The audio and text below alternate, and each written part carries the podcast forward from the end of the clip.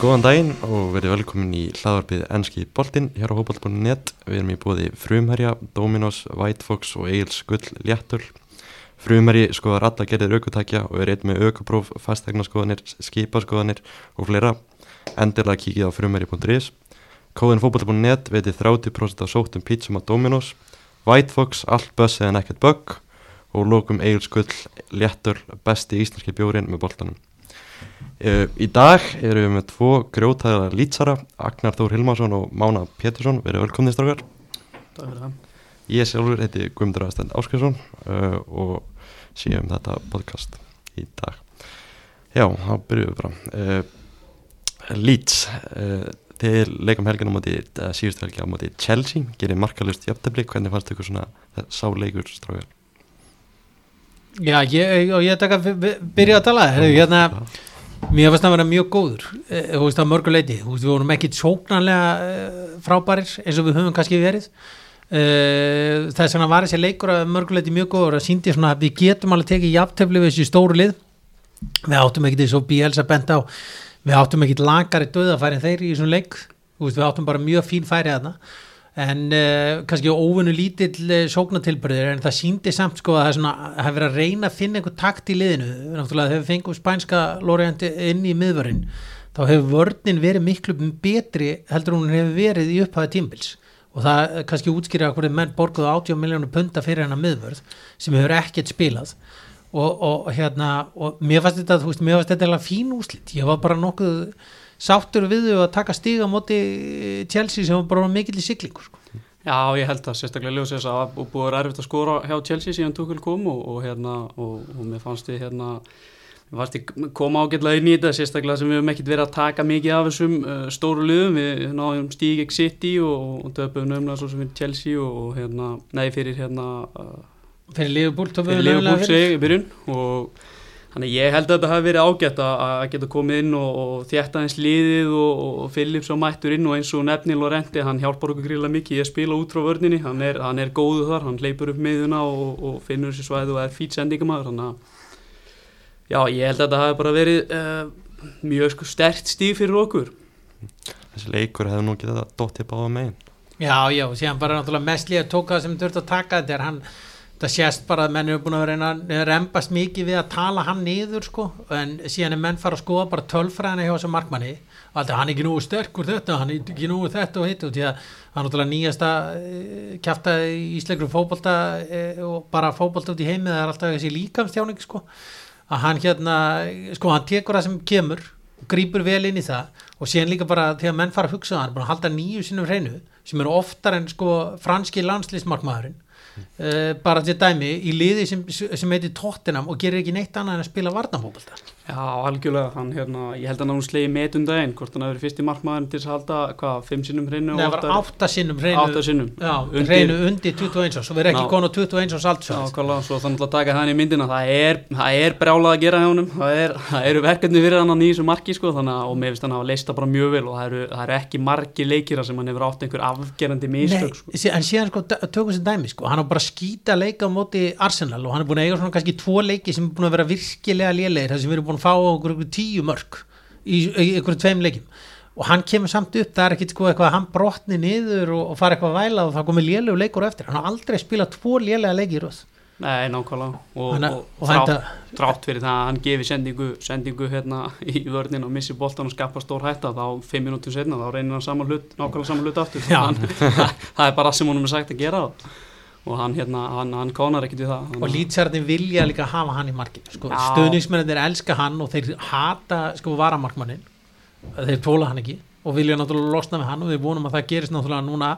í sumar. En hann er búin staðan sér mjög vel. Ég er bara mjög ánægð með hann. Talandi hans um Messlýr hann er alltaf bara 21 ás mm. gott, gott fyrir svona ungar markmann að fá svona stórt tækifæri. Já, spurningin er sko hvort ég láta hann halda áfram fá þessi tækifæri, mann veit ekki alveg hvernig það er sko Nei, en svo sem ég sé ekkit fyrir mér að með hérna, forgangsatriði í sömar í kaupum er, er klálega ekki markvarastæðan en ég hugsa, hugsa að hann verði nú hugsað áfram sko. Þeir taka inn í hann varmarkmann. Já, það er klárt, það er, ég held að hann hérna, hann hérna, Kassi, hann, hann kláraði, kláraði sitt, sitt aðna í fyrra sko þegar hann fór í bannið. Já,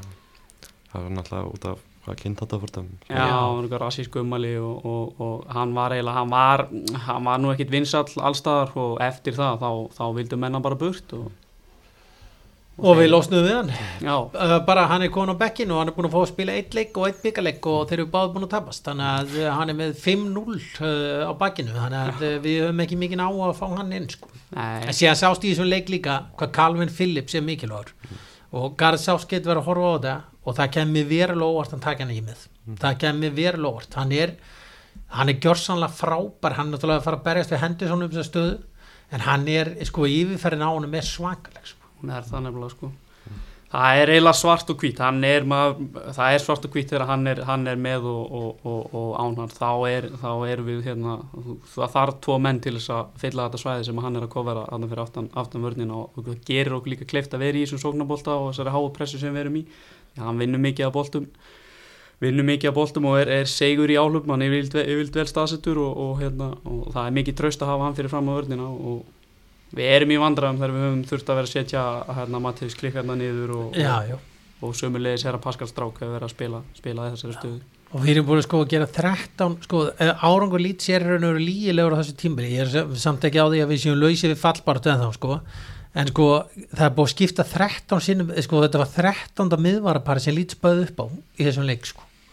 Og þú veist það er ekkit sko það er, og ef það er eitthvað stað sem þú vilt hafa virkilega góðan stöðuleika þá er það í öftustu fjór og, og, og, og lít sér ekki búin að bjóða neitt upp á það á tímbili svolítið erfitt að missa Ben White sem var frábár á síðust tímli Já, maður náttúrulega hafði maður hafði áhyggjur, þetta var þegar, þegar Pontus Jansson fyrir tímbilið þar og, og Ben White kemur, þá var það svona drauma sending því að hann er hann er náttúrulega greiðlega góður knarspilnum að líka. Hann hérna hann, var, hann bar boltan yfirld úr, úr vörninni og, og var góður að leysa pressu og maður hafði af þessu en, en mér persónulega fannst Robin Koch koma mjög sterkur inn og, og Já, hann- Koch er öflugur en White í, í, loftinu og En hann er sko, en málið er hins vegar sko, þetta er sko, þeir eru að missa þeir eru búin að missa alla sko leikmennir sem við keiftum í meðisli á einhverju tímbili og það kemur náttúrulega út af því að þetta er náttúrulega ekki hægt að bjóða hverju sem er upp á þetta að fara að æfa sko þrjá, fjóra klukkutíma okkur meinasta degi og, veist, það er, og þetta kemur um inn og þegar lýtsar að fara að kaupa menn í klukkanum það er ekkit hvaða leikmann sem er sem er að fara að bjóðast sko. og því að sumir þessi leikmenn eru svo miklir atvinnumenn og eiga svo mikið af peningum að hafa það svo gott að þegar þú segir eitthvað, herðu til ég að semja við lýts og svona mikið borgað og þetta æfa í þrjá fjóra klukkutíma með út að að æfa kannski einn og halvan tvo max hjá hinnum sko. Þannig að sko, en mér fannst þetta, þú segir þetta með Pontus Jansson eða litum hann fara sko, það var svona eiginlega punkturinn það sem sko, ég held að allir lýtsáðandur hafi verið bara eitthvað, herðu við verðum bara að treysta Bielsa. Þegar Bielsa segir bara, herru þessi gæði er ekki nógu góður og það kemur nú mjög skýrt fram að því heimildamindinni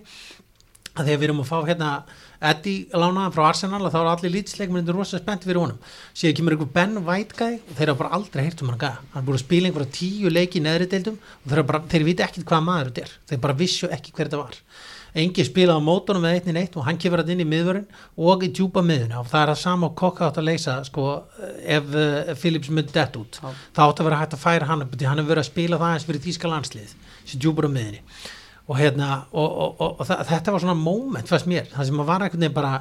það er þú veist, Bielsa er alveg 100% með hvað hann að gera fyrir tekur Pontus Jansson bara herðu, það selur sko tvo, fyrir síðast tímpil selur hann sko tvo betri leikmann lýtsliði, sér Rúfi og uh, hérna og, Pontus Jansson. Og maður var bara, hvað er þetta að gera? Hvað ruggl er í gangi sko? Já, ég held nefnilega einmitt síðan, síðan þetta, síðan hérna, þessi kaup á Ben White að þá hafa menn svona hugsað sér tvisar um áður en þeir fara að gaggrina þessa leikmenn sem hann er að skoða eða, eða kaupa því að, því að þetta virðist, það er ekkert verið að draga upp úr neinum hatti, þetta er allt út, útpælt hjá kallinum og, og, og honum virðist það bara vera treystandi. Já, og síðan þetta með Bamford líka sem er svona atrið sko, að það skildi, sko, lítstunismenn er ekki til dæmis brjálaði Bamford átöðandur Nei, það kemur náttúrulega út af þessu sko, að hann hefur náttúrulega farið verra með færi heldur en nokkur frammeri í, í, í sögu lítseldi sko. hann gerði það í Championship og hefur gert það í önsku úrsteltin líka en síðan sko var náttúrulega líka þetta atrið Aston Villa sem hann var eitthvað svona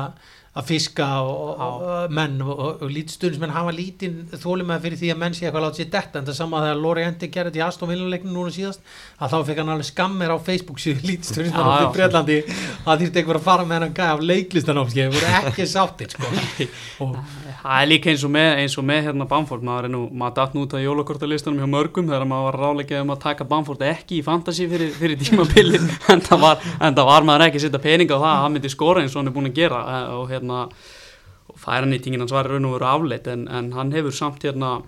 hann, já, já, ég bara segja það, hann hefur komið gríðalega, gríðalega óvart og, og Bielsa hefur, hann hefur spilað hann um hverja einustu mínútu sem hann er heill sko, síðan hann kom sko. með Bamford sko, hann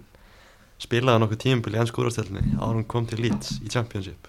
Hann gæti ekkert í ennsku úrastelni Nei, en hann var náttúrulega búin að vera að nota sem varamaður mikið og komir eru byrjunleist leikir hans fram að því eru eru bara tveir eða þrýr sko. þannig að það er kannski erfitt að dæma það en það var sett einmitt sko einhver knaspinu sérfræðingur sagði sko að Leeds getur ekki farið upp með Bamford hann mun ekki gera neitt og ég man það alltaf fyrir tímbilið þá tvítaði Bamford í bara og skrifaði here we go again sko.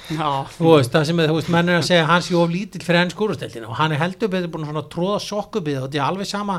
þó hann sé búin að fara með uh, illa með mörg færi þá er samt staðrættina, hann er alltaf í þessum færum og hann líka tekur þetta hlutverk sitt til að vera fyrsti varnamaður uh, sko liðsins, fremsti varnamaður liðsins sem framherji, hann tekur það mjög alvarlega. Já, hann er, það er, það er gríðalega, hann skila gríðalega góðu hlutverki og er, hann er mikilvægur í þessu kerfi hjá Bielsa, það er alveg á hreinu, hann tekur mikið til sín og, og þótt hann svona, hann er náttúrulega ekki svona, hann er ekki þessi, þessi hérna staða líminn sem þú hefur á íþróttamanni, svona byggingarlega síðan og annað sko, en, en hann er, það er magnað hvað hann er sterkur og, og, og, og hann er vel staðsettur og hann á oft, oft mikilvægan þátt í uppspili liðsinn sko, en en það vantar svona, það vantar einhverju að ögnu upp á að, að hann klári þessi döðafæri en, en hann hefur hann var í markaðasti maðurinn í deildinni og hann er búin að koma 17 mörgum eða 18 núna á þessu tímbili sko. og það eru bara ekkit svo margir sko. það er helst að Tottenham uh, Harry Kane Harry sem er búin að vera að gera já. betur en það sko. það er svona fyrir ykkur sem lítstunismenn þetta er í, að þið komist upp í fyrsta sinn í 16 ári í fyrra, hvernig svona hefur þetta tímabil verið þetta er búin að betur sko, ég verð náttúrulega að segja, nú eru eftir sko tíumferir, við erum eftir tíumferir og þetta er betra en ég held þetta myndi vera. Já, ég, maður var hérna, uh, maður var nú ofta að segja það sko, maður sagði það oft í fyrra og, og hitt í fyrra að ef við værum í Premier League þá værum við í efri helmingnu því við spilum bara einfallega be, með be- besta, þessast, eitt af bestu fótboltunum á, á Breitlandi en svo svona, uh, hérna, svona gæðarlega séð við horfum á hópin þá, þá hérna, þessi hópur sem fer upp eða liðið sem fer upp í fyrra tel ég vera svona ég myndi segja að það hefði verið slakasta liðið, slakasti hópurinn sem slíkur sko, þótt að hérna, þeir spiluðu hérna, góða, góða knaspinu og gera en, en, en ég er uh, hver leikur er skemmtun og, og það eru svona nokkri leiki sem að maður hef hugsað til þess ef við hefum, hefum haft þá að þá væru við, væru við kannski hérna í efri helmingnum en, en ég er mjög mjög sáttur við þetta og finnst það að komið bara vel frá þessu. Ég hef verið sátt við 17 sæti 17 hefur fórum á stað sko Já, og það er bara, þú veist, Leeds var flestum, uh, á flestum stöðum spá 13 sæti. En máli er, þetta, Leeds er náttúrulega sko örgulega eini klúburinn hann í efstu deild sem veldur alveg gríðarlega mikið á þjálfan það er að segja Já. sko það hefur alveg gríðarlega mikið að segja hver er að þjálfa þetta lið. Það er sko, ég held að segja það er ekki, það, það varu flest allir aðri þjálfar í þessari deild allir 19 þjálfar, ég að fullir það þeir voru á leiðinni niður með Leeds Já, ég, ég er sammála þessu, ég er alveg hjartalega sammála þessu að, hérna, að, að það er stærsta breytan, það er að við erum með, við erum með frábæran þjálfara og, og, og hann skiptir okkur gríðarlega miklu máli. Sko. Við, værum, við værum með Scott Parker eða einhvern af þessum hann fyrir neðan, þá værum við sennilega bara næst næstir Já, ekki við næstir. varum með ólíkurinn á Já. sólskeri eða morinni og þá varum við um líka sko. Við varum líka þá bara í botbaratu það er bara málið því að þessi leikmannhópur er sko, eh, sko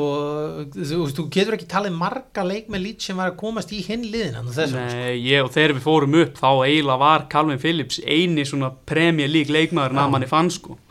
Uh, fyrir sumaköpin sko. Síðan hefur bara leikmaður eins og til dæmis sko Eiling sem sko var komin sko í þriðju efstu deild og síðan fekk hann allt í einu tilbúð frá lít og hann bara wow, ég fekk tilbúð frá lít, aðeinslegt og uh, er allt í nú, hann er búin að spila þú veist, hann er búin að eiga einhvern einn, tvo lélega leiki annars er hann búin að vera frábærna. Og Stuart Dallas til dæmis líka sem er alveg bara sko, þú veist uh, sko svona unsung hero sko, því líka hlaup og vinsla í einu kvikindi sko. Hann er alveg, og hann er búin að þurfa að leysa alla stöður meira og minna á vell Já, hann er líka, hann er svona þessi leikmaður sem að, hérna, uh, myndi veluna fyrir framfæri sko, þá hefur hann tekið framförum hvert einasta ár sko, þú veist, ef þú ferðu og horfir á horfir, það er nóg bara að taka 30 mínútur úr einhverju leik fyrir fjórum árum sko, þá hugsaður með þér að þessi væri, hann fengi ekki samning í atvinnum hann knaspunni aftur sko, það er svona lígilegt hvaða breytingum hann hefur tekið sem leikmaður sko. en hann er líka sko, þú veist, þetta minni mig svona þessi leikmenn, þetta minni mig svona og það kannski segir ímislegt þegar þú ert með góðan þjálfar, hvað þú getur gert. Þetta minni mig svolítið svona þegar Ferguson sko, við glum ekki gleyma sko að þú O'Shea, hérna, John O'Shea og, þú veist, og Wes Brown og fullt af einhverju leikmennum sem eru bara einhver svona hálgeri miðlungsleikmenn þú veist, og, og, og hérna, þeir eiga títla með Manchester United sko. og, þú veist, og þeir voru í liðinu og þeir voru fyrst og síðast bara stóru og sterkir karakter og það virðist alveg vera þannig að þeir hafi sko, að þeir spá í þessum hlutum veist, það er ekkit bara sko að þú hlaupi nóg, það er, þú ert að hlaupa rétt og það er líka að þú sért með sterkan haus. Og þess vegna, þú veist, maður er alveg gríðalega stoltur af þessu liði, sko, þú veist, þetta er þessi mannskapur er uh, bara sorry to say hálfgjart djók. Já, já, já, ég meina, þú veist, það er bara að taka þetta dæma að, hérna, að mannskapurinn sem fer upp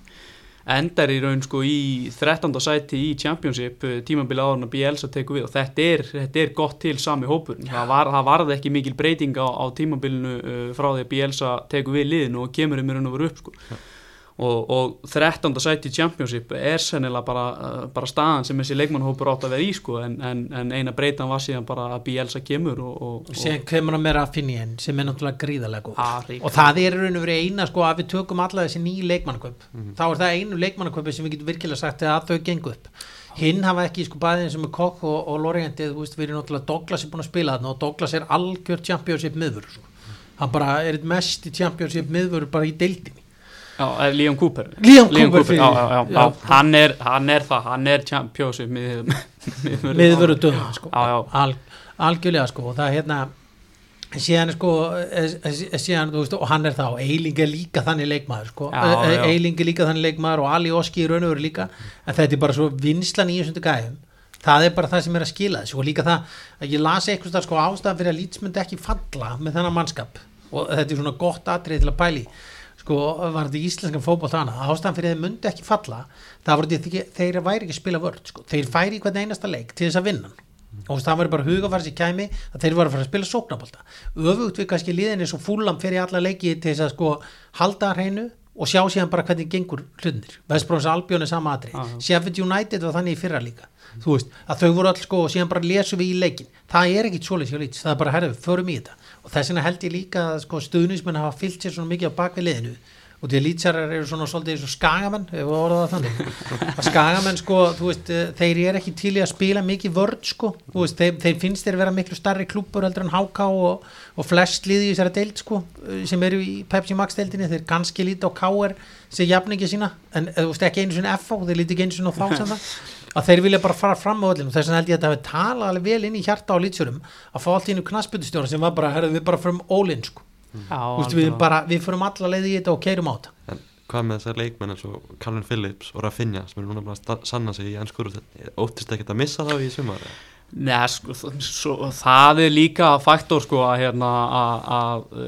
það eru svona einhverjir kannski, kannski liðbúmenn og mannstumenn og annað sem að horfa hýru auga til, til okkar leikmanna og halda, halda það. Þeir, þessi gæjar séu tilbúinir að stökku yfir sko en, en það er ekkert, þeir hafa það gott í lýts þetta er alltaf, eh, fyrsta lagi frábáborg og það er gott að vera þarna og þegar þú komið með stuðnismann á baki þá er mjög erfitt að fara. Tala nú ekki um Calvin Phillips, hann fekk nú tækifæri Já. til að fara eh, hérna, villa bauð í hann einhverjar uh, 30-40 miljónir þegar okkur mist, þú veist, að fyrir upp hann 2018 og það var ekkit flókið, þú veist, hann, hann ætlaði sér upp með Leeds og hann ætlar að búa í Yorkshire og, og, og er ekkit að fara neitt sko, þannig að við, við höfum ekki stórvægilega ráhugjur á því sko. Calvin Phillips fer ekki sko, en ef það koma 30-40 miljónu pundið í Rafinha þá held ég að sé alveg mikla líkur á að uh, þeir láta hann fara sko. þú veist, út af því að þau sko út af því að hérna formúlan uh, hvernig þetta á að ganga og það bara sást til dæmis eins og þau seldu Rúfi og, og Pontus í fyrra sko er náttúrulega að þeir fái meiri peninga fyrir leikmenn og kaupi leikmenn á minni uppæðir bara svona eins og Lester systemið hefur verið að virka og hann hefur verið sagt það eigandinn að hann hefur hort svolítið til þess allavega fyrst til að byrja með, hann horfi á þetta system hvernig það virkar. Calvin Phillips fer ekki neitt. Það er enginn að fara að bjóða einhver aðra leikminn lít eins og stafn það er þessi málið er, sko, er kannski, en þeir myndu líklega að selja sko, eins og þú veist, þeir, stór tilbúið Bamford, stór tilbúið og þeir myndu treysta bara skátingssysteminu sínu að, að finna leikminn í þessar stöður. Já, sennilega og, og, og það veriðist líka vera það veriðist líka vera nokkuð skýr uh, hérna, uh, verkaskipting í rekstrinum á klubnum, hérna Radritsani sem að, á klubin sem að var nú heimnasending fyrir okkur lýtsara eftir, eftir mörg erfið ár að hérna, hann veriðist verið sjáum, sjáum hérna að fjármagna klubin og halda því rúlandi og, og síðan er Viktor Orta er, er direktor á fútból og það hefur, það hefur gengið vel, hann hefur fundið fullt að leikmunum fyrir lítinn pening uh, til að mynda finja á og fleiri góða og, og svo er Angus Kinjar sem sé nú svona day to day rekstur. Og það veriðist vera bara góð kemistri hérna á milli og þeir, þeir eru vel undirbúinir og verið, þeir hafa reynst okkur vel á markarum uh, finnst mér þessi, þessi síðustu 2-3 tímabil og,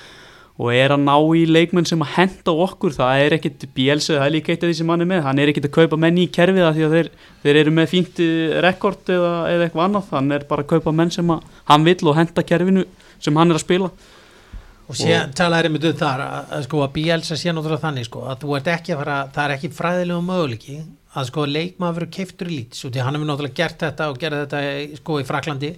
að þú veist þá voru menn uh, knaspindu direktorinn byrjaði að kaupa leikmenn sem hann hafði ekki áhuga að fá og þá lappaði hann bara út. Mm. bara, ég nenni þess ekki, ég er bara farin ég nenni ekki að vera með, þessi leikmaður aldrei að fara að geta spila fyrir mig. Mm. og ég held að sko að það sé málið að sko Viktor gerir sér grein fyrir því að hann er ekki að fara að kaupa einninni og það hefur alveg komið fram í viðtölu hjá þeim að þeir hafa alltaf borðið undir Bielsa, herru við ætlum að fá þennan og bara hann er búin að horfa á hann og teipa hann og síðan spyrja hann hvernig karakter hann. Og það er algjörlega ábyrg Viktor og hann, það var er Raffinia þeir voru búin að skáta Raffinia fyrir löngu síðan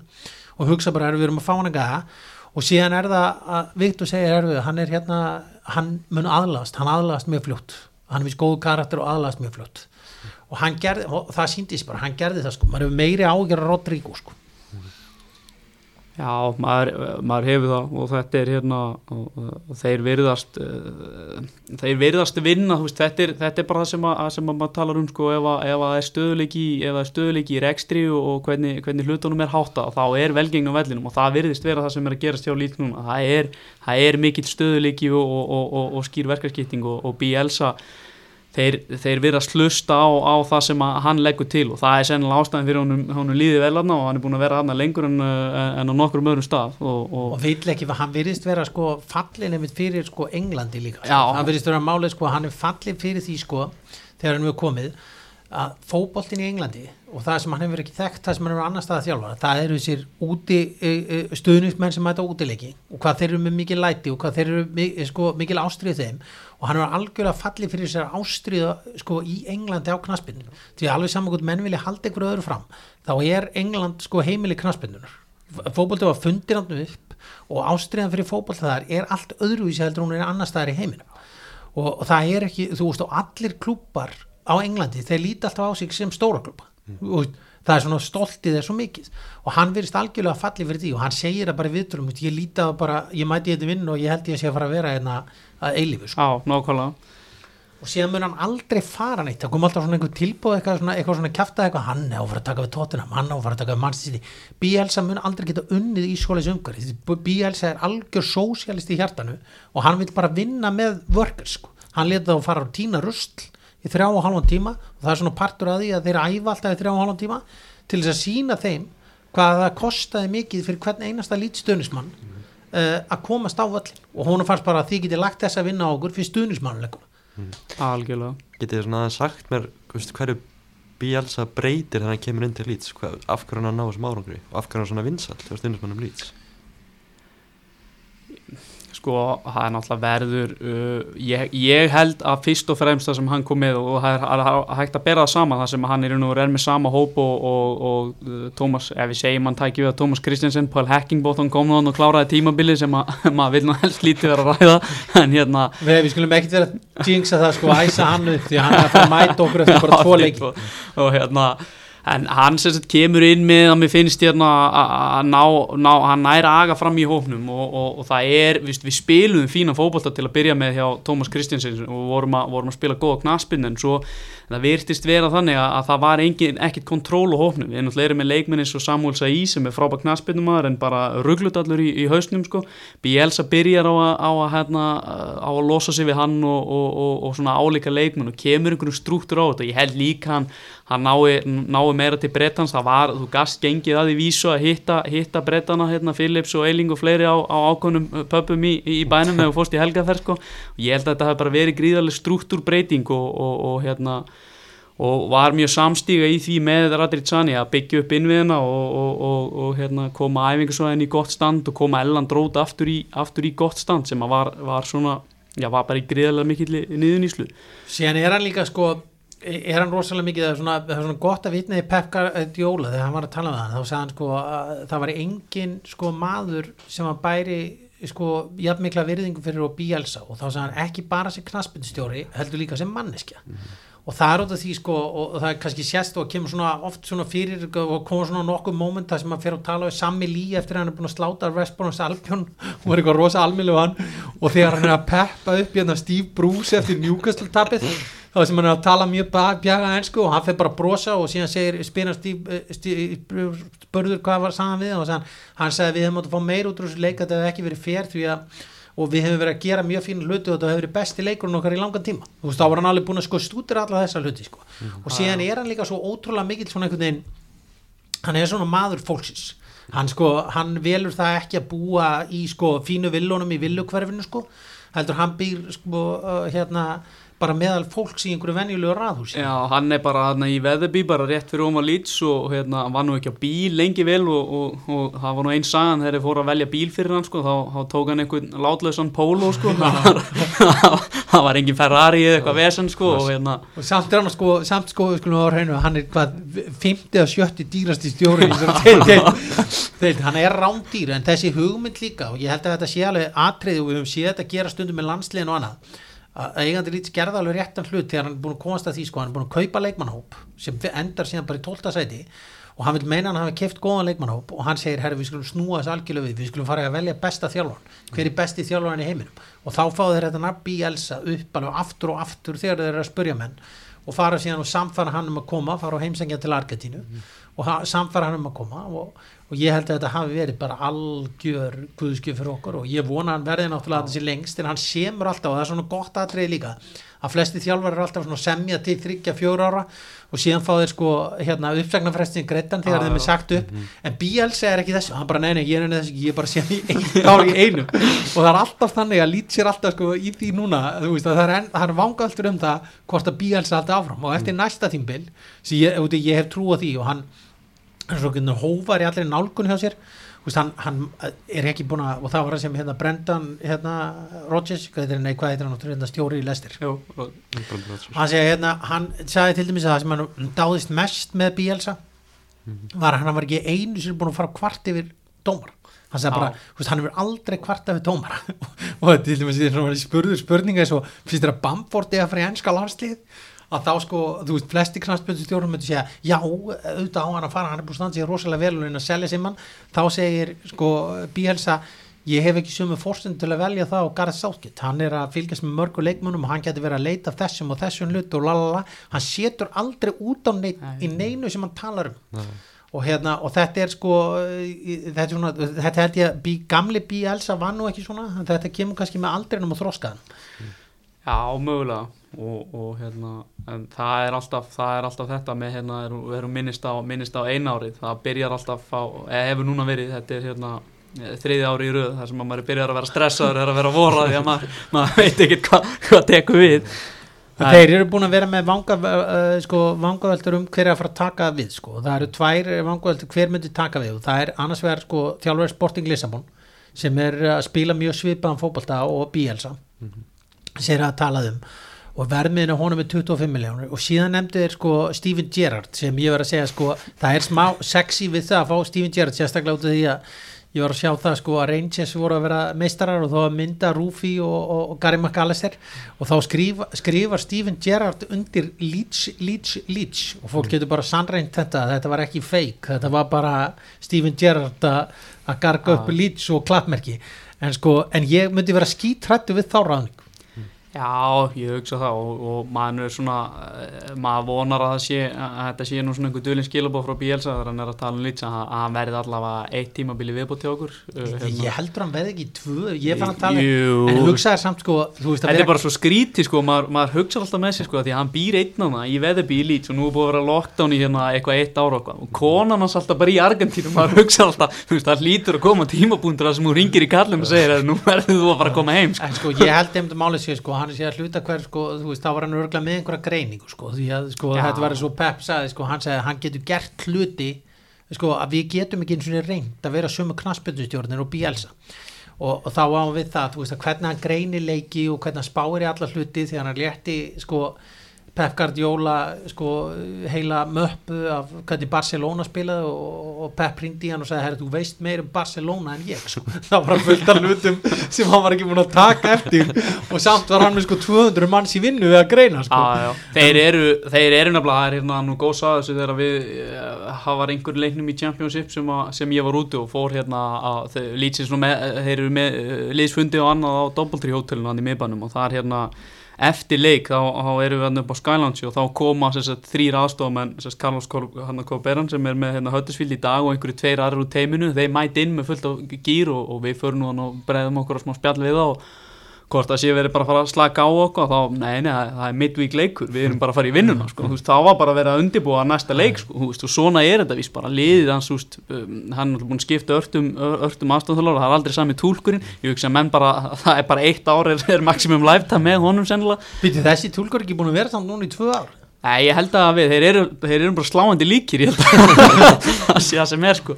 en það er virðist, já, virðist vera, hérna, síðan held ég að vísu sko að málið er að þeir eru búin að segja að hans er búin að vera að læra ennsku og hann kunni orðið ennsku, hann var að tala við Stíg Brún ennsku og annað, hún er svona bjöguð og annað en málið er að hann, hann sé alveg búin að læra ennsku þetta sé bara svona taktik hjá honum sko, hvað mæti í öll fjölmila við með túlk með sér. Já, út af því að hann sko, út af því að þá vita hann að sko fundurinn er of stuttur sko, síðan svo fyndið, hann var eitt hver, hver var hann, var það Tyler Roberts sem var í agabróti, hver var í agabróti þegar hann er spurðið hvað, akkur vantar þennan leikmann? Og þá var einhver í agabróti og þá stoppar hann fundin og kallar á fjölmjöla fullir og spyr hann hvað hann eigi að segja. Og síðan kemur hann bara mikrofón hann er veikur. Sko þá var bara svona, mm, ég er ekkert að að svara þessu sko, er, en þetta er sko ég vona einnilega að fara það er sko svona moment fyrir þjálfara til að fara þú veist það hlýtur að vera þarna. Það er búið að skýra götu í höfu á honum. Það er búið að semja Já. sko fleiri stuðnismannsöngu að hann heldur en flesta aðra leikmenn bara fyrir og síðar sko. Að hérna ég held að sko það væri alltaf moment. Hann er alltaf hann, er, hann er elskaður í Chile og þetta er svona sama atrið. Eina dæmi sem ég hefði ágjör að við myndum missa hann það væri mynd að einhverja leiti eftir þessa leiktíð út af því að eina jobbi sem er svona mögulega dettur í huga Bielsa gæti verið spenntu fyrir það sé argentíska landslið það er svona eina sem ég get, hann hefur þjálfað það áður. Já, Þú veist, það var náttúrulega fræg saga þegar hann var beðin um Maradona hringdi í hann og spurði hvort hann var til að koma að þjálfa uh, liðið sitt hérna út í Argentínu og þá sagði hann ég myndi gera allt fyrir því Maradona en ég mun aldrei vinna fyrir hann eiganda þessar félags hann er ógeð, sko, hann eini leikur sem að stýrði Maradona var, í, var góðgerleikur já, og þannig að þetta er svona þetta er rosa gardur og maður sé að það er svona mikið minnum átt að kendi í öðrum klúpum yfir því að við séum með svona sko. maður sé að það er alltaf bara þegar Bielsa tapa leika eða eitthvað gerist þá er þetta bara Bielsa lelele. en sko menn, það be- best að hafa það í huga að Bielsa fótboltin er að vinna ennsku úrústöldina með miklum yfirbörðum já, Pep Guardiola er að klára hann að titil og uh, hann hefur aldrei farið lengt með það hver hans helsti lærifæri sko. En, en getið þið sagt mér svona af þeim nótum hvernig, hvernig fótball er þetta sem Bílas spilar? Sko, fótbolti snýstur ef þú útskýra hann á fótbolta þá myndir þú alltaf bara útskýra hann á fótbolta sem high tense fótbolta þú veist það er að segja sko, veist, það, er, það er krafan um gríðarlega mikið að hlaupum. Þetta er ekkit ólíkt sko hugsa sko íslenska landsliða, landslagabak laði mikið upp úr því að, þú tapar ekki einviðinu einn og einn. Og hann leggur gríðarlega mikið upp úr því að þú vinnir alltaf einviði einn og einn og hérna og fyrir vikið og hann vill hafa þannig kantara að þeir geta farið á menn. Þess vegna til dæmis er að vera að tala um að lítið að borga heiminháður upp eða fyrir trá ári uh, á næsta ári. Að hérna, og Rafinha er svona gott dæmi þannig leikmann. Og hann vil, hann vil spila þannig fótbolta að síðan er til dæmis öll uppspil og allt hlaup hjá lýtsliðinu að það er alveg út úr strúktura þetta kerfi, sko, upprunnilega kerfi sem hann Bielsa keirir á og þessi hugmyndafræði sem hann skrifaði heila bókum, hún er rauninu leikkerfi sem gekur út á, sko, hvort það er þrýr, þrýr, einn eða þrýr þrýr, einn, þrýr, ég man ekki hvað það er. Og það er, það er rauninu bara þannig fótbolt sem maður spila. Og það hefur oft komið þannig að liðsupslýtingarnar eru þannig hjá honum. Og hann hefur raun og veru sko, sko, er sá stjóri sem raun og veru byrjar að þetta sístem að spila upp með engan framherja. Það sem hann er raun og veru að stilla upp það sem er, hann er framherjalös og þetta hefur séð Pep Guardiola gera sko stundum, það sem hann hefur stilt upp heilu liðunum, það sem hann er ekki með framherja. Þá var hann bara búin að lesa anstæðingin herðu, þetta er svona sem við erum að fara á þá sko. og sér bara ég þarf ekki framherja í þetta kerfi. Og þetta er svona, þú veist hérna, sko, ef maður ætti að lýsa þessu fótbolta þannig, þá var þetta bara svona þetta er high tense fótbolti þar sem þú vilt pressa hátt og vilt vinna boltan hátt. Já, algjörlega og, og þetta líka veltur ofta og veltur mikið á, á því að hérna, þú getur séð, þú getur oft bara séð fæslur og reyfingar og leikmennum sem eru, veist, þær eru greinilega út og planar, menn vita hvaða stöður er, uh, hvaða leikmenn þeir eiga að bakka upp og, og inn í hvaða svæði þeir eiga að stíga, bæði í pressu og, og, þeir eru með boltan og það er svona, það er, það er svona ákveðið identity í þessu. Og, og sennileg mitt mest er það það að, að, að menn eru lotnir hlaupa. Og það er sama þótt að hlaupið þjóna einhvern tilgangi. Þú ótt samt að taka hlaupið þú, þú getur bara horta á það þegar þeir tapa boltanum ofta ofal á vellinum að, að það er kannski einhver einn að vaða upp tegin en það eru sjö á eftir húnum sko. Já, það er enginn þar sem að, að hérna, allar að gefa sér frí og, og býða bara upp á topp sko. og, og það er að sama þeir eru að senda boltan fram á völlin sko, þeir eru ofta að senda sendingar þarna bara algjörlega blindandi inn í einhver svæði og þá vita er bara leikmaður ná að vera þar. Og, er, og það málið er, hann, sko, hann drillar alveg gríðarlega mikið. Ef við ættum að segja hérna, sko, eitthvað svona liðir en að spila einhvern svona fótboll þessi svipar til þessi hérna heima þá er það líklega breyðablik og vikingur og þetta. Gengur náttúrulega ótrúlega mikið út af possession Já. að þú haldi boltanum allan tíman og lítið sér náttúrulega ekkit með sérstaklega góða mannskap til þess. Þeir eru samt í þriðja, fjóruða sæti ef þau lið sem hafa haldi boltanum mest á tímbilinu og hérna og, og þetta er sko og þetta upplið hvernig hann gerir þetta og hvernig hann æfir þetta og svona góð saga líka þegar Ferguson sko þegar hann vinnur Ferguson með Bilbao á Old Trafford að þá lappa Ferguson til hans og segir sko ég vissi hún myndi vinna hann leik. Og síðan spyr hann akkur sko bara þegar ég sá þú að æfa fjóran og hálfan klukkutíma daginn fyrir leik það æfði hann fjóran og hálfan klukkutíma Trafford. Það sem hann var bara að keira á öspil sko alla tíman þá voru því að vissi nákvæmlega í hvaða öll svæði hann ætlaði að fara með og hérna og, og þetta fannst Ferguson magnaðatri og Ferguson nefndi sko hafði einmitt einhver orð á því að þetta væri ekki hægt að bjóða öllum leikmennum sko. mm. þú þarft að vera með ákvæðan hóp, með leikmannhóp sem er tilbúin að vinna svona. Já. já, já. Og menn þurfa að vinna fyrir kaupinu í svona æfingarsæðin Já, það er alveg þannig. Og það var nú eitt af skilurum sem hann setti fyrir þess að tí áframaldandi veru í, í hérna, ég man ekki hvort að það var ekki fyrir þetta tímbil heldur, heldur eftir sérst fyrst árið að það var að Calvin Phillips færi ekki og hann vildi fá hérna, hann vildi fá herbyggi með rúmum á æfingarsvæðinu þannig að menn getur lagt sig á milli æfinga og hann vildi fá kílómetris langa hlaupabröð og þú veist, maður, ég sá viðtalina við John Joe Selvi um daginn þar sem hann var, að, hann var að tala hérna hann var að minnast á eitthvað aðtík úr leiknum þegar hann var að dekka Rodrigo inn á vellinum sko. Þá myndist hann einmitt á þetta sko, og hann er einmitt nákvæmlega típan sem myndi aldrei spila fyrir Bielsa sko, og þetta væri, hann gæti aldrei spila fyrir Leeds sko, og þetta væri ekki, ekki lið fyrir hann sko. og það var sama og Giroud þeim, sko, þegar hann eh, þegar voru búin að vinna þarna fyrir leikið 3-1 sko, þá talaði hann um þetta sko, hann sagði bara þetta er erfiðast og unnuði leikið 3-0 freka samfærdi en Giroud sagði samt þetta er, þetta er með erfiðari leikjum sem ég spila sko. og það er út af því þú veist þú ert aldrei að fá neitt frið og, og, en samt er þetta magnaðatrið því lýtsararnir er svo langt frá að vera grófir. Og það hefur oft svona verið enginn að merki okkar að lýtsarar hafa alltaf verið mjög stoltir þegar þeir eru kallaði dirty leads þá eru það alltaf bara yey við erum dirty leads en sko þeir, hérna, þeir hafa ekki verið neitt grófir sko. þeir hafa bara, þeir eru ekki ennþá búin að fá rauðspjöld 7-9 7-9-13 og við fáum ekki neinn rauðspjöld og þeir hafa bara þetta hefur bara verið alveg lígilega gott og við höldum okkur uppi þá verður þetta mjög gott sísón ég, ekki, dæmis, ég myndi ekki, hefði ekki verið ánæð með að við myndum fara í þetta fyrsta tímbil og lenda í efru hlutan því þá held ég að menn hefur verið að ljúa sér að halda að þetta væri miklu betra en já, ég held að væri alveg fínt fyrir okkur að lenda svona í eitthvað stæti 13-15 því þá er það alveg vísir til að koma með eh, sko auka fjármagnin og þetta er náttúrulega staðan náttúrulega orðin allt önnur sko. Þetta San Francisco dæmi sem kemur hann inn að þeir tala um að það sé ekki bara peningalegt og það er vist alveg fullt af moldríkum mönnum og bak við þessa fjárfestingu. Og, hérna, og maður fagnar því í raun og veru að, að þetta hefur keift svona út af einhverju svona skipilega atri og þá talaður um að Bielsa er náttúrulega rosamíl greinari á öllum hlutum. Og, og, það, og bretin og fókbóltin er, er samtalið ljósarum á eftir amerískum íþróttum þegar það kemur af svona greiningaferlum að, hérna, að það sé partur af ferlinu ástæðan fyrir þeir hafi gert þetta við San Francisco var það að þeir vilja fá enn meiri aðstóð eins og inn í alla greiningar og alla hluti. Úst, við sjáum að til dæmis núna mennur alltaf svona að tala um að að lýtsara mennur hlaupa sér, þeir verða þreyttir. Þegar þið var að byrja að lýsa ennskúrústeildin hérna, þá voru knaspinu lýsinir alltaf bara að lýtsarni getur orðið þreyttir, þeir eru búin að hlaupa svo mikið, getur orðið þreyttir. Og maður er alltaf hvað þmaður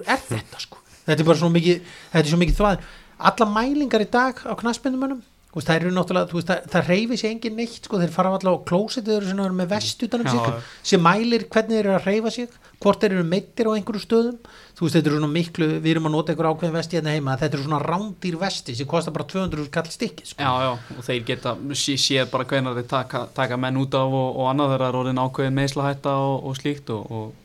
þetta er nú verið allt til staðar aðna sko. Mm. staðnindin er bara svo að þeir eru miklu betra form en innir Já, ég held að það, það sé náttúrulega málið, ég líka, held ég að þetta sé líka það þeir séu, sko, þótt ég sé að hlaupa mikið þá eru þeir ekki bara að hlaupa eitthvað. Maður upplýði það svolítið að Sheffield United liði hafi kannski verið að hlaupa bara eitthvað í fyrr mm. þú veist, þeir hafi bara hlaupið mest og eru bara hlaupið og hlaupið og barist og barist. En þetta virðist svolítið vera svona skipalagt þú hleypur þarna, hleypur þarna þú ert í sprett hér, út í sprett hér. Og það er aldrei neitt svona sem er með einhver öfga mikið að hlaupum en er samt ekki, þú veist, hver hleypur mest í þessu lið, það sé ekki eiling? Það er svona að maður dettur í hug Jú, ég, og mér, gott ef hann hef ekki átt flesta spretti fram á við með boltan og, og eitthvað svolítið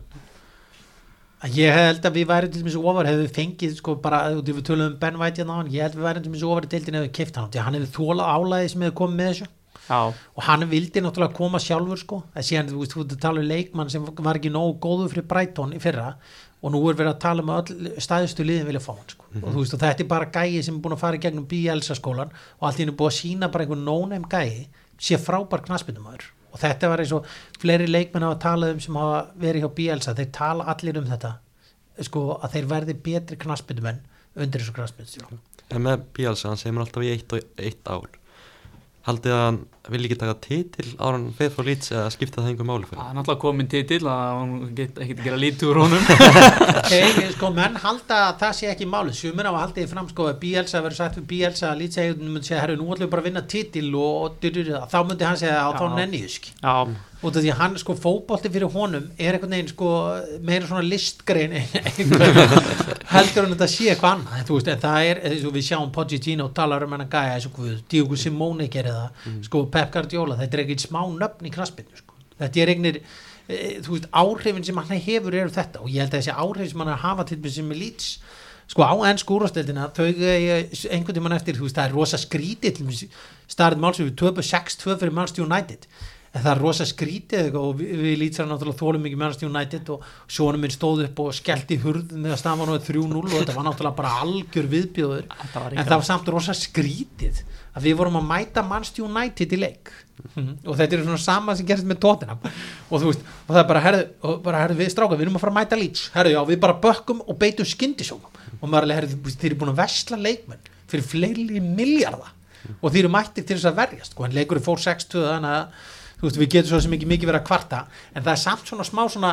þú veist, við getum samt verið með smá stolt í þessu við erum með meira, við erum með sko miklu meira possession og bolta eitthvað 5% veldur um Manchester United sko. Já, já, já, algjörlega algjörlega, það er hérna og það er bara þannig að veist þegar þú stillir inn og þetta ávið náttúrulega nær til uh, þar fleiri sennilega ennst uh, hérna lítstuðnismanna að það er bara, þú ert nánast undartekningalöst að stilla inn á 90 mínuna knaspinu veislu sko, það er bara þannig sko. En þetta er samt þannig sko, þú veist að maður er eiginlega komið magasáriðins þetta er er einhvern veginn sko, þú ert alltaf með ágjur og húfengat við erum að fara að fá þú veist, ég get ekki beðið eftir að við erum búin að tryggja sæt okkar í deildinni og það bara gerist vonandi. Ef við sigurum fúlam, þá held ég að sé komið. Já, það, er líka aprílverður, apríl er hérna, það er erfiður apríl framöndan það er, er er með fúlam og Sheffield United næst og svo koma hérna Liverpool, uh, City og United, United sko. Það kom alveg sko runa þá að erfiðu leikjum í april sem getur náttúrulega einhverju leiti broti niður sjálfstörst en að samaskapi þá erum við að fá kók tilbaka við erum að fá Rodrigo tilbaka og við erum kannski gætu kannski lók tímabils loksins fengið að sjá fullt lið sko og það geti, og síðan kemur náttúrulega góð pása núna, ekki svona góð pása heldur alvöru pása. Já. og það geti náttúrulega eh, hjálpa mönnum að hlaða batteri. Og síðan ger ég ráð fyrir, ég sagði ekki starf í viðtali sko að það hefði tekið okkur tvö ára að vinna titilin núna en ég var nú frekar sko, e, sko bjartsitt maður og ég spáði að það myndi taka okkur þrjú ára að vinna titilin núna. Hérna og maður getur eiginlega sko, og ég ætla ekki að segja að það gerist endilega, en maður getur samt alveg síðan það sko að við náum að halda okkur uppi þessi fyrstu tvö ár og erum með BLS í þrjú ár þá, ge- sko, þá trúi ég því alveg að við erum farin að láta finna fyrir okkur í Európarti af því að klúburinn er, og ég veit ekki Íslendingar er mjög margir er erfitt með að skilja þetta en klúburinn er einmitt alveg risa stór sko. þetta er eina liðið í borginni síðan er bara einhver rúbilið og hérna og, og, og, og pe- liðið á fullt af penning það er sold átátning hvernig einasta leik og þeir eru strax byrjar að tala um það. Þú veist það er COVID núna, það er ekki búin að mæta árandi í heilt ár og þeir eru að tala um það að stækka öll Já, nákvæmlega. Og það er, það er nú svona eina af þessum breyting sem að breytingu að Radrit Sani kemur með inn í klúbin þegar hann kaupir hérna af honum hérna félaga Selino að þá hérna þá kemur hann inn með allar þess það er, er framtíðarhugsun hjá hann þótt hann sé búin að selja einhver porsjón á klúbnum til þess að ég er nú bara fjármagnar rekstur og fá fjársterkar aðalinn að þá er hann með hugsun fyrir klúbin það er, það er verið að teikna upp hérna verið að teikna um nýtt æfingarsvæði, stærri völl og koma æfingarsvæðinu inn í, inn í sagt, borgina þar sem völlurinn er, hann er núna einhverjum 20-30 mílum fyrir utan og hefur gert, svolítið, eh, gert lít svolítið erfitt fyrir að vera með unga knaspindumenn í, í, í þjálfun og, og Calvin Phillips er svona einstæmi sem að kannski útskýra það okkur við erum bara með einn uppalinn í liðinu að hérna að amma hans hún hafa bara 100% starf hjá henni að keira honum fram og tilbaka á æfingar og, og gera hann að knaspindumanni og hann er með eh, svona allar þessar pælingar og það er svona svolítið comforting svona eh, tilhugsun að maður, maður treystir þessum gæja fyrir klúbnum, klúbnum loksins í, í fyrsta skipt í mörg ár sem það er einhver sem er actually hugsum, hugsum framtíðina og, og, og, og það er Þetta er best eigandi síðan Ritzdale ég veit að margir er ekki með hrifnið af því sko, en, en Ritzdale gerði allt uh, til þess að gera lýts á stórveldi og, og honum verður ekki kent um hvernig árangur fór. Nei, nei, ég meina það var hérna þótt að hafi komið einmislegt upp á bókonum svona, svona í setni tíðina þá. Guldfiskurinn að sporðaði fyrir 40 pund á viku. Að 40 pund á viku. Skiljum mig. Og allir sem eiga guldfiskar vita að það er eitthvað skrítið við bókaldi þar. En svo þetta er hérna en það, ég held að það sem ég held að sé alveg og það er sama til mig sem núna ef lýtsmundi falla þú veist, þá er það ekki sko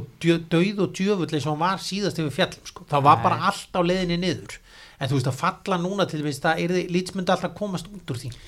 Já, algjörlega. Og það er, ég held nefnilega líka það er nú svona eitt af því sem að, sem að aðdándur annar að liða sko, þú veist, hérna þeir hafa ekki fengið að sjá ennþá þessu tímabili og það er, það er tróðfullur elland rót ef einhver tíman hefur verið talað um sko stemmingu, veist, það er mikið talað um Evropakvöldinni og Anfield og, og annað sko en veist, það er bara svo stemming er í fjölskyldustúkunni á elland sko, það er pakkaður elland, er, það er styrlu stemming sko. Og það verður, menn eru, þeir get ekki beðið eftir að pakka völlin aftur í, í Premier League sko. Nei, ég myndi veita þeir tala um það sko að vellinni sem kannski finna mest fyrir þessu sko, fyrir þessu lockdowni, það sé einmitt Anfield og þú veist, og þegar þar eru stuðnismennir eru alveg blóðheitir sko, en þeir lífu búin náttúrulega tölvört minna heldur en við, en en þú veist eh, en það þarftu sko, það, þegar alltaf sko harðir lýtsara sko, þú veist, þegar þú seg, það þarf aldrei að segja einhversi harður lýtsari, því ef hann er lýtsari yfir höfu sko, þá er hann mjög harður. Já, það, er ekki, þú ert ekki að fara að halda með þessum klúb öðruvíð sem þú þurfa að vera harður stundismæður Já, það er, er nefnilega bara svolítið þannig og, og það er alveg sama hvaða, hérna, hvaða sko, hérna, samfélagsstöðu þú kemur ú- í eða hvað sko, þegar kemur að lýtsa þá, hérna, þá, þá verða menn hérna, eru menn alveg trilltir og, og, og, hérna, og þeir, þeir, taka, þeir taka vel utan um hvern annan og hérna og það er, maður hefur, maður hefur svona orðið, orðið þess vitni sko og sérstaklega kannski svona einskjentlega að sagði þegar ég fór hérna var á, þá var ég útileik ekki Bristol sko, ég var, uh, þá átti ég ekki miða af eistúkunum fyrir bara leikdegi og ég var ekki komin í, ég var ekkert mertur, ég þorði ekki að vera mertur hinn minna því ég var raun og voru að la- lauma mér yfir. Og þá hérna þeir voru ekki trifnir af mér ég fór á AV pub sem var fullur af lýtsunismunum og þeir voru eitthvað svona íta mér í burt og, og svo var ég spurðu hvort ég var í Bristol. Ég sagði nei, nei, nei, ég er lýtsari. Og þá sneru uh, hérna bara svona sex hérna, menn sér við sem svona ja, um 60 eitthvað þannig. Brostu allir fallu, fallu tannlösu brostu og sagði you're one of us. Og tók utanum mig og, og fylgdi mig bara á völlin sko.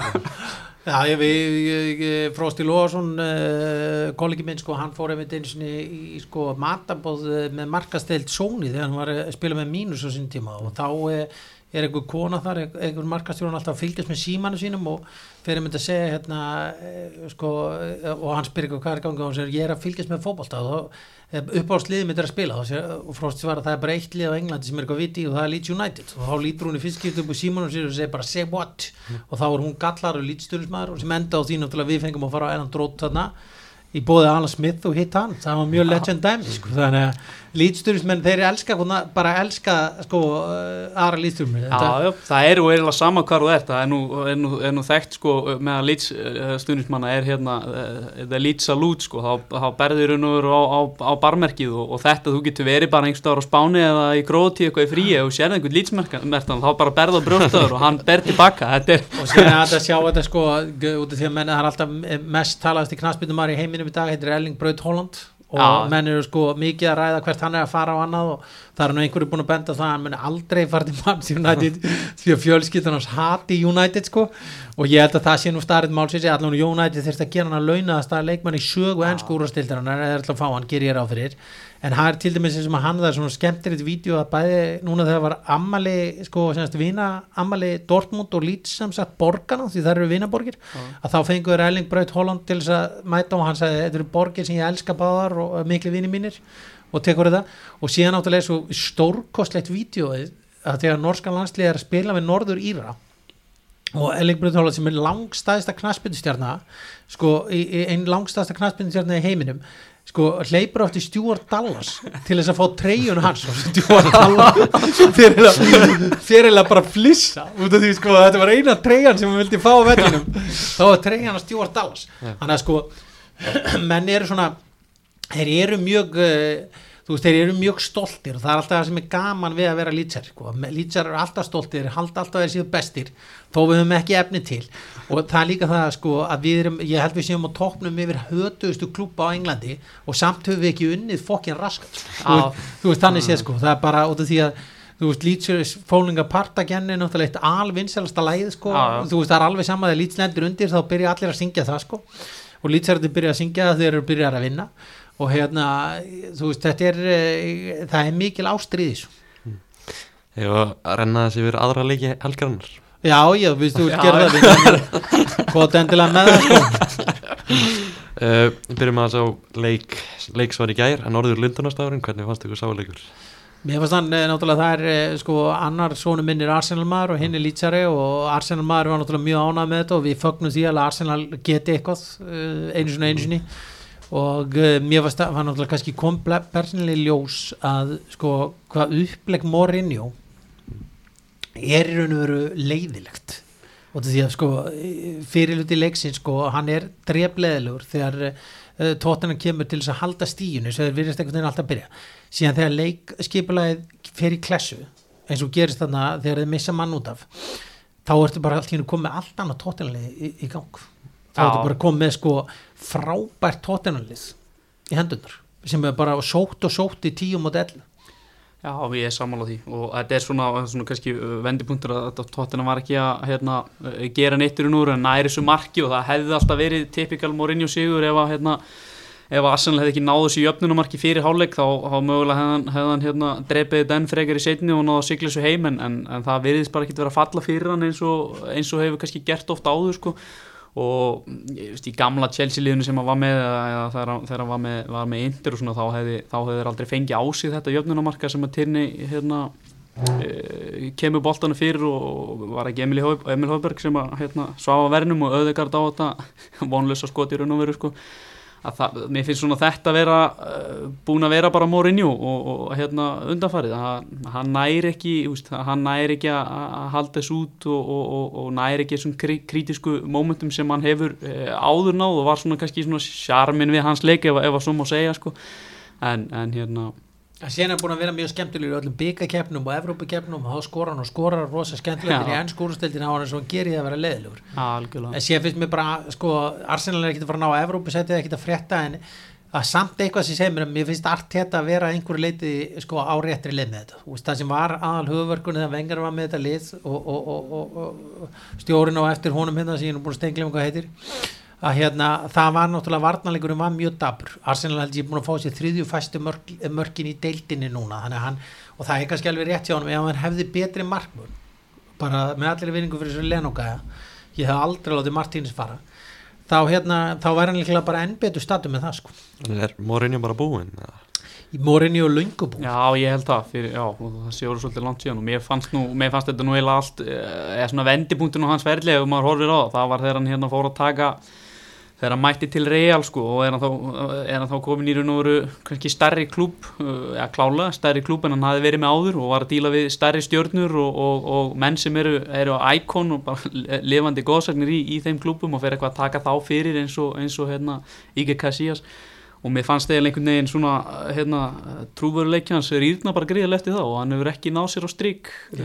síðan sko. Hendabúndurinn á mér var sko þegar hann drap United, þeir er alltaf að bera virðingu fyrir United, það var alltaf ákveðið svona stolt og þeir ákveðið svona sóttu og fóru í einhverja leiki, ég var að tala um sko Leeds United, það sem United beitti skindisóknu þeir voru samtalið að reyna að spila einhvern sóknabólta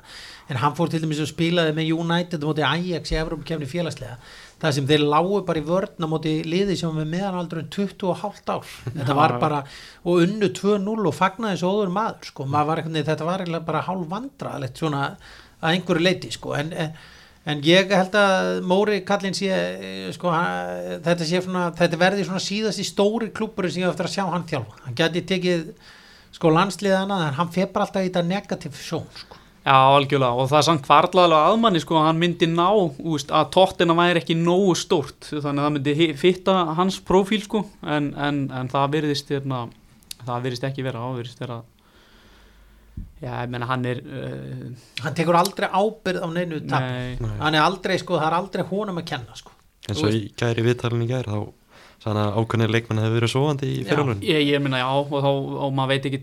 hvort hann var að senda þau skilabóð til dæmis eins og, eins og Gareth Bale, veist, mér, mér finnst það áhugavert,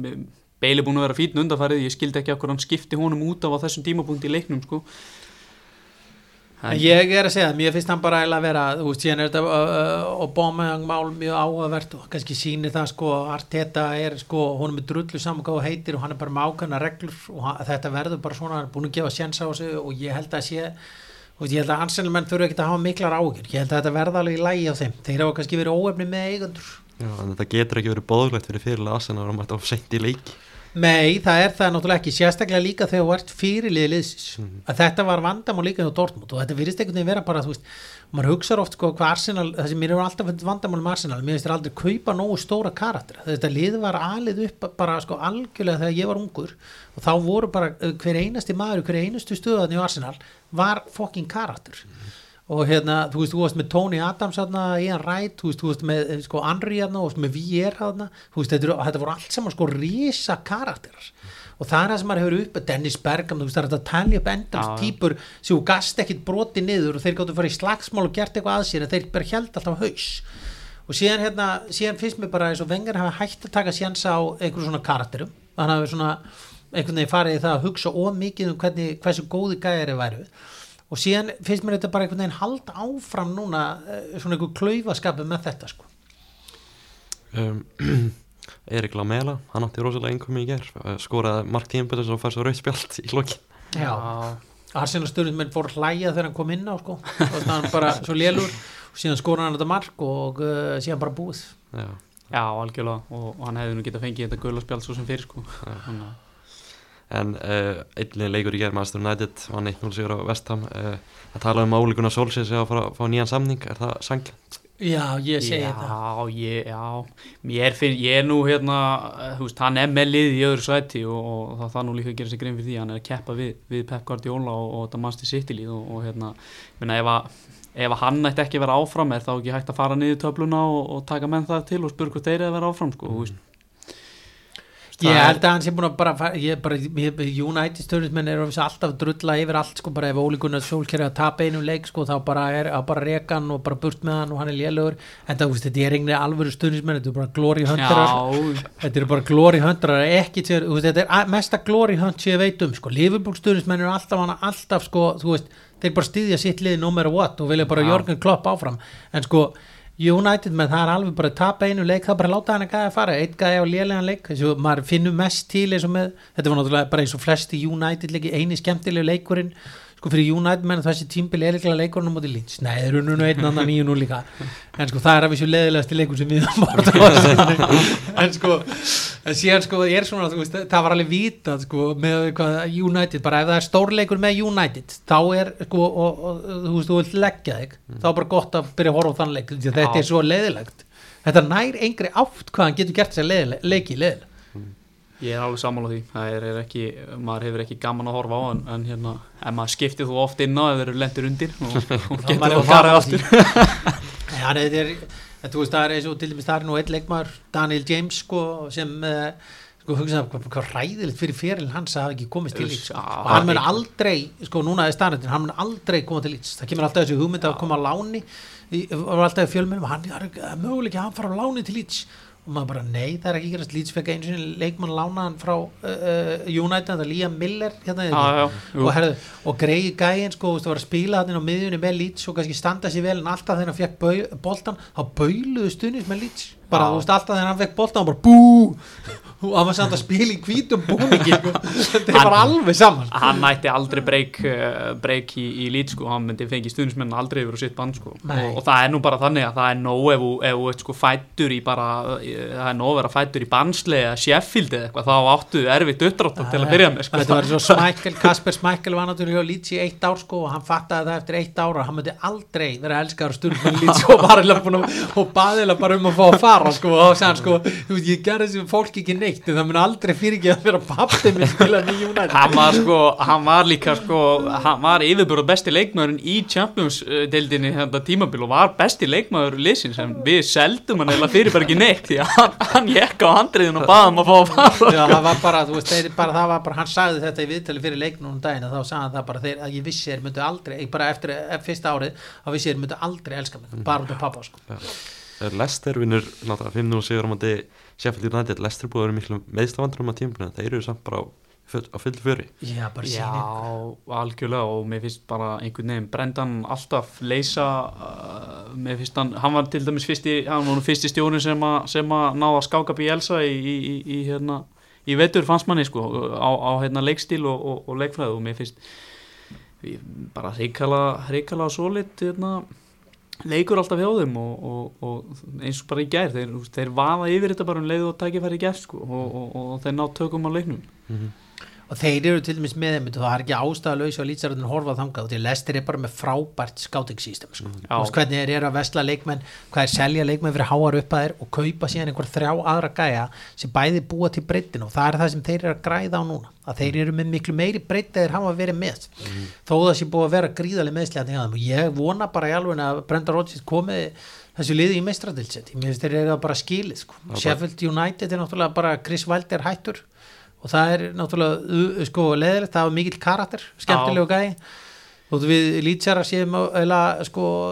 dröllu saman Sheffield United vonaði þeir farið beinustu leið niður.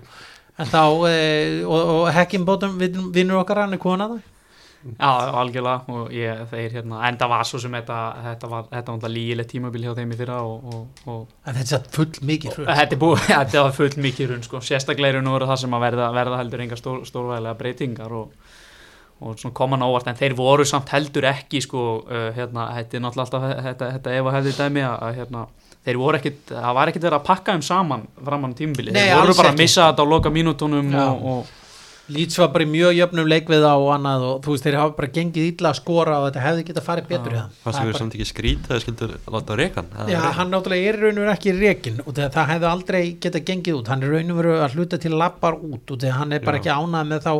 sko hann er búin að koma liðin í þessa stöðu og leiðu eitthvað fyrir að fara úrskeiðis að þá á að fara að breyta öllu umturna öllu og hann er Já. ekki hrifin að því sko og vildi hann ekki fá að kaupa í janúar og, og þá var maður máttu bara menn að nei, liði væri já. farið niður og vildi ekki kaupa eigandin verður alltaf ekki stundum Sheffield United Nei, þetta er náttúrulega Nei. strákur sem bara sko uppalinn allan eh, allt dæmið og maður sér að til dæmis eins og með þá stjóra sem hafa uppaldi lýtsara sem hafa tekið lýtslið það var alveg saman hvernig þeim gekk, þeim var alltaf fyrirgefið Já. skiljum við, það var aldrei neinn heift út í þá nei, nei. og það er að sama með hann, hann verður alltaf og það getur eigandi skipti og hann verður kallar aftur, ég, þetta er skemmtileg típa og skemmtilegu stjóri og en bara þú veist gaman að sjá að Sheffield United er á leiðinir í Championship Já, það er mjög ánægilegt og, og svo maður hérna vitninum kannski í hann hérna uh, Mel Störland félag okkur sem kom nú hérna á ásættu klúpsins í, í, í fyrra. Hann er náttúrulega að spila megin þóra ferilsins með Sheffield Wednesday og, og, og Leeds United. Og, hann sagðist sagðist vera búin að leggja það til við borgin að láta rífa Bramman Lane og opna hérna hjólísa uh, hjólísa garð þarna þetta er ekki, já, þannig að við fögnum því bara þeirra leiðin niður. Já, á lögadaginn var Íslingaslegur uh, Börli mætti Everton, Jóhann Berg mjög góður í þeimleik en Börli þeir halda áfram bara ná í sín stig og Já, talandum, talandum hérna frábæð mörg um helgina hann hérna, uh, hvað heitir hann, McNeil. Já, það var, það var rosalegt. Börnli, Jói Berg er eini maður í þessu börnliðið sem getur spila með Leeds Já, ég, held að sko. Það, þetta er mjög leð, leðilegt lið sko. Þetta verður ekki sko það er nú tveir fyrir lístjarar í svo liði líka einn uppal. En hérna en sko já ég þetta er mjög leðilegt lið og ekki maður svona vona að Everton myndi koma sér einhvern veginn í topparatuna og vera allavega með því að komast í meistaradilda sæti en þetta er samt ég held að Everton getur alveg ánað með tímbil þetta er fyrst skipti sem þeir eru ekki svona vombrið ásins myndur ekki taka Dwight McNeil eða James Tarkowski í, í Leeds Nei, ég er ekki að gera það. Uh, Manchester City næra að klóra, klára fúlam í setnáleik sjáu þið Manchester City? Þeir er náttúrulega búin að vinna einn skúrustöldna í rauninni sjáu þið að taka ferðuna Stóra. Nei, þeir taka aldrei fernuna og ég skil ekki þetta bull í Pep Guardiola. Þú veist, ég veit ekki af hverju hann að leggja svona mikla áherslu á að vera að vinna byggarinn og deildabyggarinn sko, út af því að hann verður ekki dæmdur af því, sko, og hann verður dæmdur af því hvort hann klári meistaradeildin eða ekki og uh, það var ástæða fyrir því að Ferguson vann bara einu sinni þrennuna, sko. Þú veist, og hann er besti knastmyndistjóri sem er verið í ennskum fótbolta fyrir og síðar. Það voru því að þú þú ert ekki að leggja áherslu sko á allt þetta eða þú ætlar að ná í stóru tillana og í síðustu árið þá var Ferguson aðalega bara að leggja áherslu á að vinna ennsku úrstættina og að vinna meistaradeildina Já, algjörlega. Og mér finnst nú líka svolítið eins og með þetta hérna, ef maður ber þetta sama við sko, hérna, uh, þrennu tímabili sem hann, eða þegar hann tók nú eða verið 5-6 titlar með Barcelona um árið og þá hérna uh, þá er ég, ég er ekki alveg að kaupa þessar, þessar, þessar miklu rótringa þótt hann sé mér hikkilega breiðan hóp og, og, og góða leikminn í öllum stöðum að þá samt einhvern veginn sko hefur maður heyrt á leikmönnum að, að þeir vilja veist, þótt að sé hérna, leikur í mér í viku að þá vilja þeir spila um helginu þeir vilja fá að spila til þess að hérna, halda sig við þótt að sé hérna, auki leikjála og allt svoleiðis að þá er bara rithmin bestur og, og, og, og hann hefur ekki verið að ná þessum topp í apríl, uh, massa apríl þegar að stóru mestradildaleginir eru og ég veit ekki, ég sé ég get alveg síðan taka þessa domestic uh, þrennu aftur en, en maður bara einhvern veginn þá er maður ekki að kaupa það að hann klári meistaradildina þótt að hann sé nú til allt líklegur sko en, en,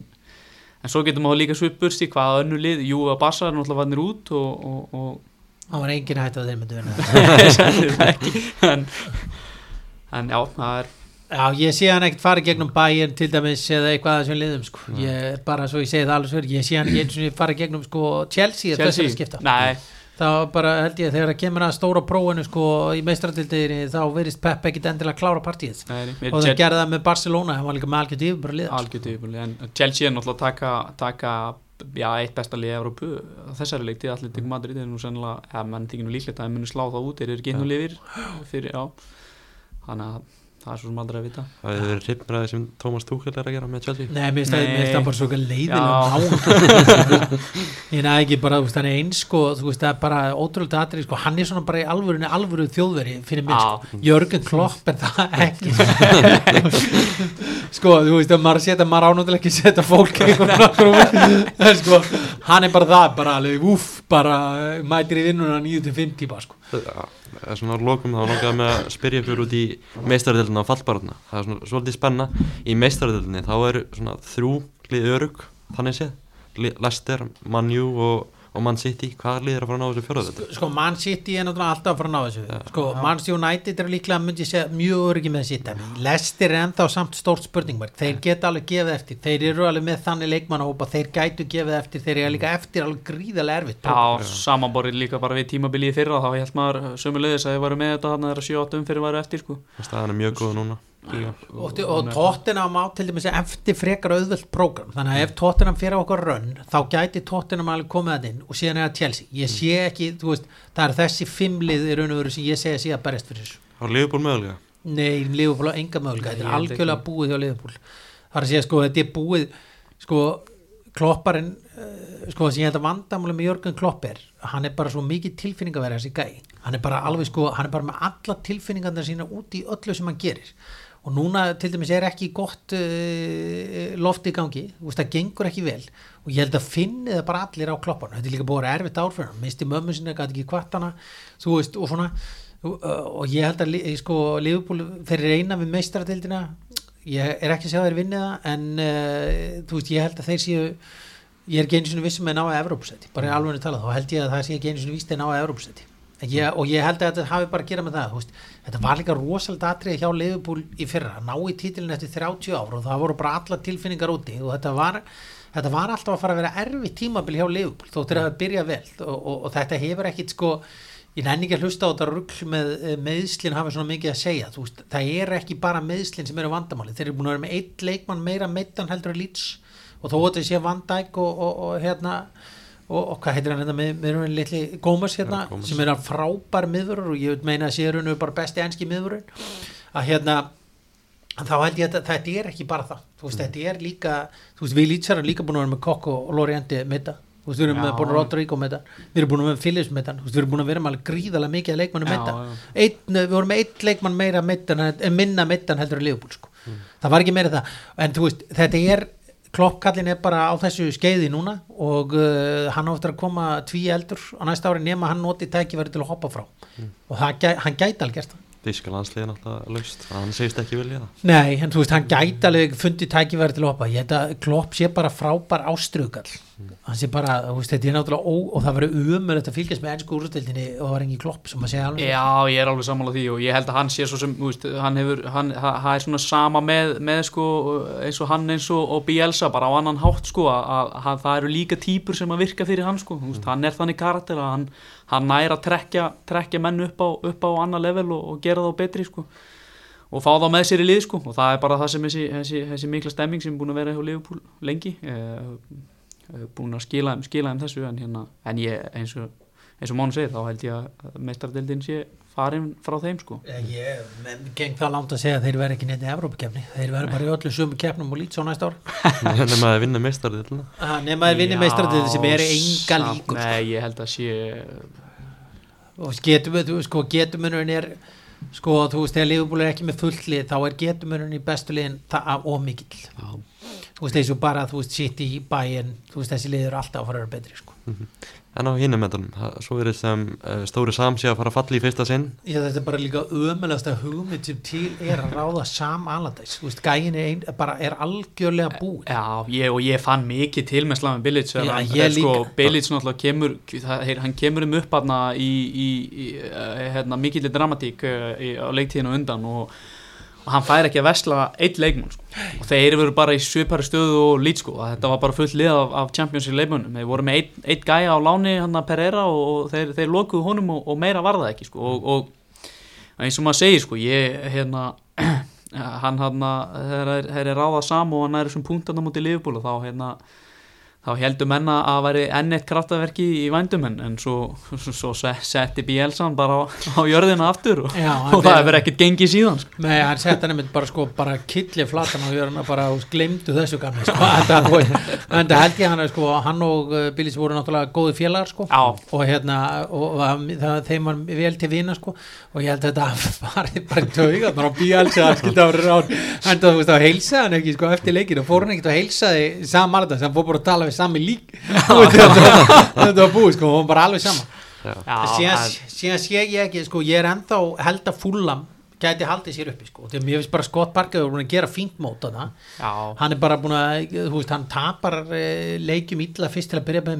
byrja mjög illa hann segir bara eigandanum að halda kjafti þegar eigandinn fyrir eitthvað að afsaka tapið og hann fyrir bara töðunar á honum og hérna, mér finnst hann verið að gera fínt mót þannig að ég er ekki viss um að hann falli sko.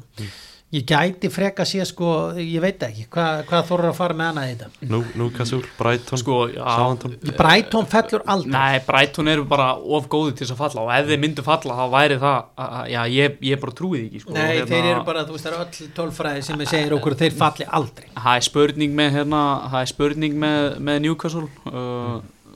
andleysi verði bara of mikið og þeir fari niður Já. og síðan, síðan sko, verður maður bara að segja alveg svo hvort að Sáþóttun sko. Já, Þeir tapa fer- hverjum leiknum á fætur öðrum bara Já, ég er náttúrulega að gera ráð fyrir því að við lýtsar vinnum allavega neitt tvo leiki viðbútt þannig að við höldum okkur upp sko. já, já, já, ég held að, að það, sé, það sé alveg örugt sko. og ég, fyrir tímabil þá hérna þá, þá spáði ég nú Vestbrom uh, Sheffield United og, og Vestham niður en hérna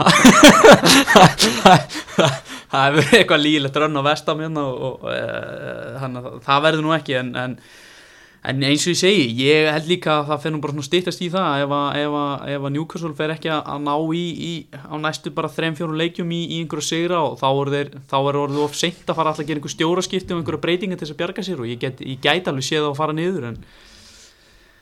en eins og maður segir, það er erfitt, erfitt að spá fyrir það og, og það þarf hlutinni þurfa að ganga upp með fúlam líka Það held ég að Þeir þurfa að ganga upp hjá fúlam með mjög mikið, þeir þurfa að vinna fjóra leiki allavega niður út. Ef tapa fyrir okkur þá er þetta, ég held að fúlam getur farið niður eða tapa fyrir okkur. Þetta er eiginlega búin bóttbort á.